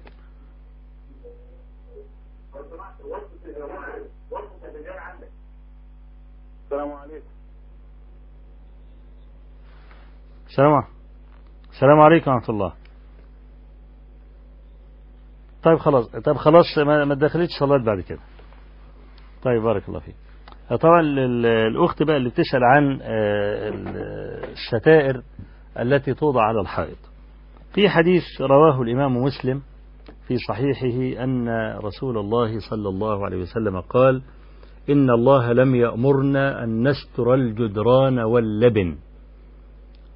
العلماء قالوا ولم ينهنا رسول الله صلى الله عليه وآله وسلم. آه، الصورة التي كرهها أهل العلم أن الواحد آه، يحوط الجذور الأربعة بالستائر وعلل بعض أهل العلم هذا بأن هذا يشبه آه، ستر الكعبة. كأن الواحد إيه زي الكعبة بتستر من كل جوانبها. قال لك يكره أيضا أن الستائر تكون إيه داخلة في على الغرف على الج- الجدر الأربعة. إنما إنك أنت تشد ستارة على ال- الجدار اللي فيه النافذة أو الكلام ده فهذا لا بأس به. ولا طبعا يعكر على هذا ما رواه الطبراني في المعجم الكبير. آه، من حديث سالم ابن عبد الله ابن عمر ابن الخطاب رضي الله عنهما. قال عرست في حياة أبي. يعني تزوجت في حياة أبي. فدعا أبي الناس. فجاء أبو أيوب الأنصاري رضي الله عنه فرأى الستائر على الجدر. فوقف وقال لأبي اللي هو عبد الله بن عمر أنتم الذين تسترون الجدران واللبن والله لا أطعم طعامكم سائر اليوم ثم رجع ولم يحضر عرس سالم ابن عبد الله بن عمر. يقول لأن أبا أيوب رضي الله عنه حاكم ابن عمر إلى مذهبه في الورع. لأن عبد الله بن عمر رضي الله عنهما كان مشهورا بالورع ومشهور عنه أنه كان يترك الشيء الذي فيه أدنى شبهة. فلذلك استعظم أبو, استعظم أبو أيوب الأنصاري أن يفعل عبد الله بن عمر مثل هذا مع ما عرف عنه من آه، شدة الشدة في مسائل الورع. قال سالم فخفض أبي رأسه واستحيا وقال غلبنا النساء يا أبا أيوب. قال أبو أيوب لئن غلبنا أحدا لا يغلبنك. ثم انصرف وترك العرس. وإلا فقد كان يحضر عرس سالم جماعة من أصحاب النبي صلى الله عليه وسلم ولم يؤثر عن واحد منهم أنه أنكر على عبد الله بن عمر أنه اتخذ الستائر أو أن النساء اتخذن الستائر على الجدر وأقر عبد الله بن عمر ذلك. فاتخاذ الستائر على الجدر جائز ويعني لا شيء فيه لا سيما إذا كان في الجدار نافذة يمكن أنها تكشف أهل البيت. نعم. بالنسبة لي يعني الأخت اللي بتتكلم عن النقاب آه في يعني الحقيقة يعني آه أسئلة كثيرة وردتني يقولون فيها. دلوقتي نحن نرى أهل العلم من الفضلاء. جماعة يقولوا النقاب مستحب وجماعة يقولوا النقاب واجب. وطبعا خارج عن أهل العلم جميعا من يقول إن النقاب حرام. ده بر أهل العلم. لأن هذا القول لا يقوله عالم قط. قرأ شيئا في هذا الباب. إنما أهل العلم على قولين. منهم من يقول إنه مستحب منهم من يقول أنه واجب. فيقولوا إحنا احترنا. بعض الذين يقولون مستحب الناس محترمين وفضلاء وبعض الذين يقولون هو واجب برضو ناس محترمين. ناس محترمون وفضلاء نعمل إيه؟ إحنا محتارين. زي الأخت اللي بتقول أهوت إنهم اختلفوا فيه اختلافا كثيرا وإنها محتارة. أنا عايز أقول حاجة. أهل العلم آه، مشهورة عند أهل العلم. معروفة. العلماء يقولون مذهب العامي مذهب مفتيه. مذهب من يفتيه؟ يعني أنت أكيد أهل العلم عندك مترتبين. عندك العالم رقم واحد ورقم اثنين ورقم ثلاثة ورقم أربعة ورقم خمسة. إذا لم تجد العالم الأول تأخذ بقول العالم الثاني تأخذ بقول العالم الثالث تأخذ بقول العالم الرابع. أنت مرتبهم. وترتيب العلماء عندك كرجل عامي يعني غير متخصص في الشريعة يكون بالأدين أعلم والأورع. حتى أنهم قالوا آه العامي مقلد في كل شيء إلا في اختيار من يقلده فإنه مجتهد. فالنهاردة العالم الفلاني هو عالمك اللي أنت بتثق فيه وبتاخدي فتواك منه. يبقى إذا أفتاك بقول التزمي قوله. إلا أن يأتي عالم آخر يفند قول العالم الأول ويأتي بأدلة النيرات والأدلة دي وقع في قلبك إن دي الأدلة دي صحيحة. يبقى ممكن تتبع العالم الثاني لكن إذا لم يكن عندك تمييز بين هذا ولا ذاك يبقى أنت عندك العالم الأول الذي تتبعه اتبع قوله ولا شيء عليك فيه. لكن لا يجوز لك أن تأخذ من كل عالم ما يوافق هواك. وتقول لهم كلهم ناس فضلاء وكلهم ناس ممتازين والكلام ده. ده ممنوع. أهل العلم منعوه. ليه؟ لأنك لما تركت قول هذا العالم وأخذت قول هذا لم تنتقل من هذا إلى هذا بدليل. إنما انتقلت بهواك. يعني أذكر مرة أن في بعض الإخوة اتصل بي وقال والله أختي تأبى أنها تلبس النقاب وبتقول إن الشيخ الألباني رحمه الله يقول باستحباب النقاب والألباني عندها هو العالم الذي لا يخالف. فأنا مش هدخل معاه في كلام. قلت له طيب هي تلبس ذهبا يعني لابسة غوايش كده وخواتم وحاجات زي كده؟ قال لي نعم. قلت لها خليها تخلعه لأن الشيخ الألباني يحرم الذهب المحلق على النساء. ذهب المحلق اللي هو الذهب اللي هو حلقة يعني. الشيخ ناصر رحمة الله عليه يرى ذلك. تحريم الذهب المحلق. فإن كانت تريد أن تتبع الشيخ الألباني كما تقول هي أن الشيخ الألباني هو أعلم الدنيا وأنا لا أخالف فتاوى الألباني وإلى آخره يبقى لابد أن تلتزم كل فتاوى الألباني. طالما أنها اختارت الألباني وهو العالم الأول عندها. إلا أن يكون عندها دليل أنها تخالف الألباني في المسألة الفلانية. وطبعا إحنا اتفقنا في الأول أنها من العوام. يعني لا تميز ولا تعرف طريق الاستدلال ولا تعرف كيف تتعامل مع الأدلة ولا الكلام ده. يبقى إذن هي عندما اختارت القول الأول في مسألة النقاب من كلام الشيخ الألباني رحمه الله وتركت القول الثاني علمنا أنها متبعة لهواها. خلاص؟ فإحنا بنقول يا أخوانا ال ال أنت على على قول العالم الذي تقلده أنت. فأنا بقول أهوت النقاب أهل العلم يقولون أن المرأة في زمان الفتنة لا سيما في زماننا تغطي وجهها. وأنا لا يعني أحسب زمانا اشتعرت فيه الفتن مثلما اشتعرت في زماننا. أدي إحنا شايفين حوادث الاغتصاب وحوادث الخطف والكلام ده على عينك يا تاجر. تقرأها في الجرايد وتشوفها في التلفزيونات والفضائيات والكلام ده. فضلا عن أن هذا هو شعار العفة. ومن فعلت ذلك إنما تقتدي بأزواج النبي صلى الله عليه وآله وسلم.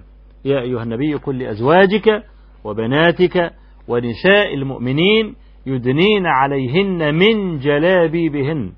ذلك أدنى أن يعرفن فلا يؤذين. وأيضا هذا الاحتجاب اللي هو حجاب البيوت يعني. حجاب البيوت هو أيضا من صفات نساء أهل الجنة. قال الله تبارك وتعالى حور مقصورات في الخيام أي مقصورات على أزواجهن. وقال تعالى قاصرات الطرف أي طرفهن لا يمتد إلى غير أزواجهن. فلذلك أنا أحض يعني هذه الأخت على أنها تسرع بارتداء النقاب وليس كما يعني فهمت من كلامها أنها سترتدي النقاب في رمضان. وما يعني ما هذا الأمل الطويل؟ يعني ما الذي يعني أمنها أن تصل إلى رمضان؟ أليس من الجائز أن تموت قبل رمضان؟ هذا التسويف إنما يعني من حبائل الشيطان. عشان كده أنا بقول للأخت يعني تعزم على الفور أن تلبس نقابها ولا تخرج إلى الشارع في المرة الأولى سواء كان باكر أو كان اليوم إلا وقد سترت وجهها وأنا أدعو سائر نساء المؤمنين إلى ستر وجوههن وذلك هو شعار العفة.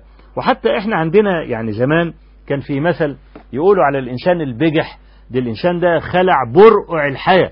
البرقع هو يعني إيه اللي هو القماشة اللي المرأة أو الغطاء الذي تستر به المرأة وجهها. الأخت برضو اللي بتسأل أنها ستعتمر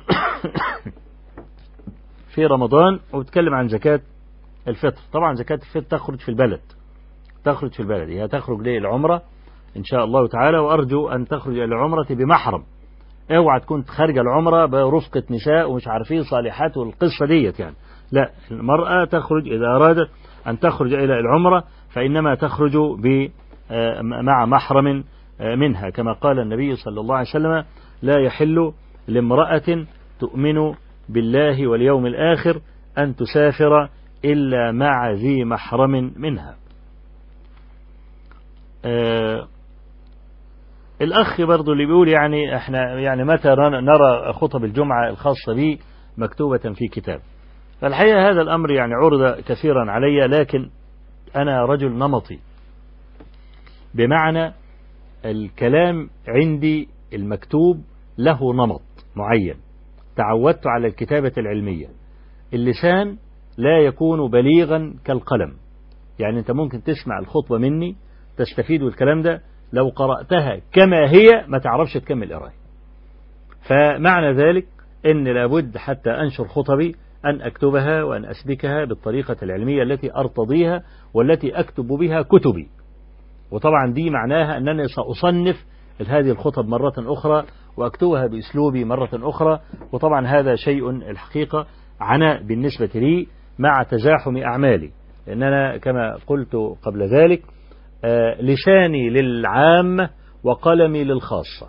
عندما أكتب أكتب فيما يتعلق بعلم الحديث دراسة وتخريجا وتعليلا ومناقشة. ده قلمي. عشان كده ما يقرأ لا يقرأ لي عادة إلا طلبة العلم اللي ما يقدروا يفهموني. إنما لساني مختلف.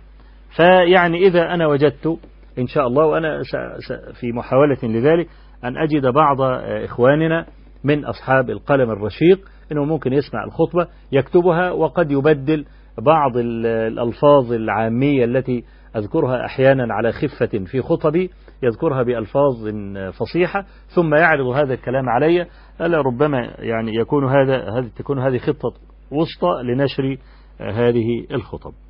نعم. أما بالنسبة لي الأخ اللي بيتكلم عن المنطقة اللي في القاهرة في منطقة عشوائيات يعني أو كده وهيدوا مساكن لمن يسكن في هذه المنطقة. فيجيب واحد من الشباب يسكنه في غرفة من الغرف عشان يثبت يعني يثبت حالة بحيث لو جت من تنظيم الشقة والكلام ده هو بحيث إنه يقدر ياخد شقة. إذا كان القانون الذي وضعوه لمثل هذا إن أنهم يعطوا مثلا مسكنا لصاحب المكان لصاحب المكان واشترطوا ذلك كشرط في هذه الحالة لا يجوز لهم أن يفعلوا مثل هذا. نعم. الأخ اللي بيتكلم عن كفالة طالب العلم هو يشوف أي حد أي إما جمعية من الجمعيات المشهرة مثلا أو يشوف حد ممن يثق برأيه يقول والله أنا عندي آه، قدرة على أن أنا أكفل طالب علم دلني على طالب علم. فهو ممكن إما أن يدله هذا الإنسان وإما أن يلجأ إلى الجمعيات المشهورة زي جمعية أنصار السنة أو زي الجمعية الشرعية أو بعض الجمعيات الخيرية الأخرى التي تتبنى مثل هذا القول. آه، بالنسبة للأخ اللي بيتكلم عن المذابح وإن الجماعة اللي بيذبحوا البهائم بيذبحوهم بسكينة باردة وبيحضني على إن أنا يعني آه، يعني أوجه لهم كلمة عشان يرحموا البهائم. لا أجد كلمة أفضل من كلام رسول الله صلى الله عليه وآله وسلم. آه، إن الله كتب الإحسان على كل شيء.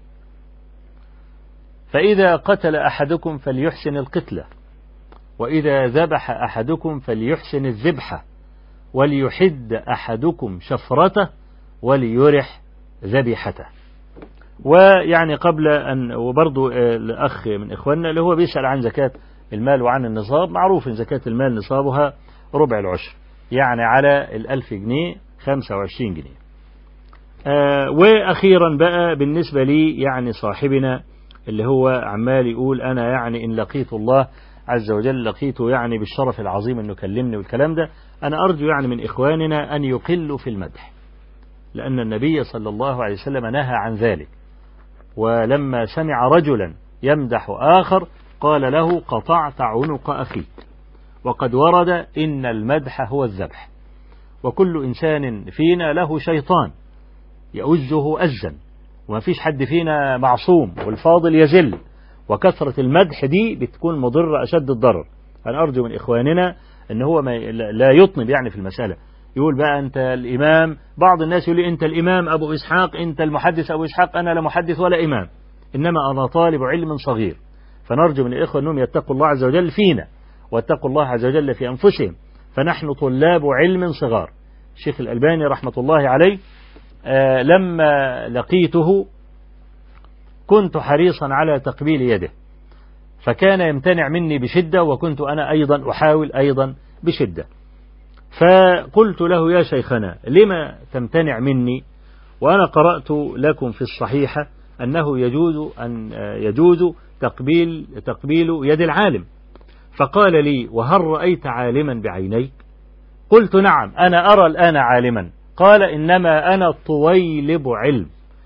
ثم أنشد قول الشاعر إن البغاث بأرضنا يستنسر البغاث طائر صغير جدا في أرض من الأراضي عمرهم ما شافوا النسر طلع هذا الطائر اللي عامل زي العصفور وقال أنا النسر وبمناسبة أنهم لم يروا النسر بأعينهم فظلوا أن فظنوا أن هذا هو النسر فإذا كان الشيخ الألباني رحمة الله عليه مع جلالة منصبه ومع ما كان له من المكانة في قلوب المسلمين يقول أنا طويلب علم فأنا أشعر بالحياء أنني قلت أنا طالب علم. فأنا أقول أيضا مثلما قال الشيخ أنا طويلب علم. ونسأل الله تبارك وتعالى أن يعرفنا بأقدارنا.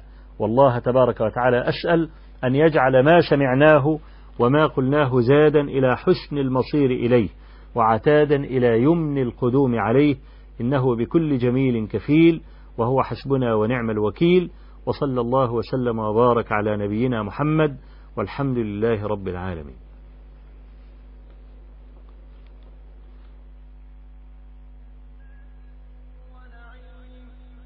فاكهين بما آتاهم ربهم ووقاهم ربهم عذاب الجحيم كلوا واشربوا هنيئا بما كنتم تعملون متكئين على سرر مصفوفة وزوجناهم بحور عين والذين آمنوا واتبعتهم ذريتهم بإيمان ألحقنا بهم ذريتهم وما ألتناهم من عملهم من شيء.